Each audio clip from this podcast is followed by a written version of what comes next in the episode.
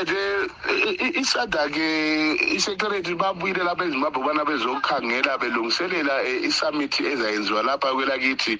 Um okuyiyo isummit lapha um umongameli wethu azathatha over khona i-chairmanship yesadak. Okuyinto vele eyenziwayo um lapha um emazweni ethu awesadak lawo ukubana omongameli bamazwe lawa bantshintshana ukuba ngomgcini sihlalo um welozweni wesadak leyi so lokhu kutshengisela ukubana um isadak lamanye amazwe sesimuve phambili siya phambili sesilungiselela ngokukhangela ukubana sithuthukise njani ilizwe lethu kodwa-ke phela golide abantu bayakhala lapha bayakhala kakhulu nxa sikhangela into zokhetho lezi. Bathi sadiki balekela iqiniso la loko umgcina sihlalo lokhu akula msebenzi lokhu okungenamsebenzi yikho ukukhala kunoku esiyabe sifuna ukwenza kulokuthi sithuthukise eh, ilizwe lethu sivuse umkhonomi wethu.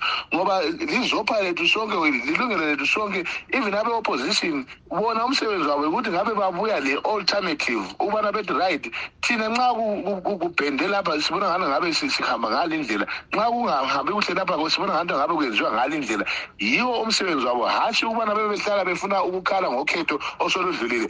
Bona iproblem bekuthi ukhetho balufuna um ukuthi bethi kona lulungile nxa kuyibo aba- aba- abanqobileyo kuphela. Okungayisiko khona nxa usiya ekhethweni um kule mpumela ezimbili um is-either uyanqoba kumbe uyanqotshwa. Nxa unqobile thaba u- u- u- ubusu- ubusuphuma ekuthabeni uqase u- u- u- u- ukulungisa ilizwe nxa unqo- unqotshiwe um ye ungakhala akuyaleswa kodwa khala phela ubu- ubusunjani ungasalahli imbeleko ubuye silungise ilizwe sindawonye. Yikho kumele kwenzakale khonokho. Kodwa-ke phela lapha bathi ukukhala ku- ebu- ezimbabwe kuyafana lembuzi ekhale ilandwa amakhanka ngoba kula muntu oza kulalela kuyaphelela ec- endleleni nje. I- inkinga ekhona yikuthi kona abakaze beke bebe yi-opposition eyake yafaka ama-solutions etafuleni. Ukuthi hhayi lokhu ku- ku- kubanjwe kube ngale ndlela ngabe sikwenza ngale ndlela ngoba yiyo injongo e- e- ekuba le-opposition Eh, it's a, it's a government in waiting It's- it's, it's like i-shadow government. Okusho ukuthi kona kumele ngabe bathi kona bona hhayi nxa i-exchange rate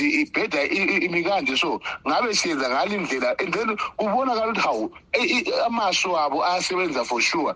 Yikho kutshengisela ukuthi hayi sure abantu laba bathembekile ukuthi kona singabafaka ba- ba- ba- ba- bangayenza into e- e- enjani elomkantsho engcono. Kodwa bona okwabo kuphela yikuhlala bekhala kuphela yikuhlala besola kuphela benga- bengaprofi any solution. So lokho mina ngibona ngathi akakusisizi ngalutho ngitsho.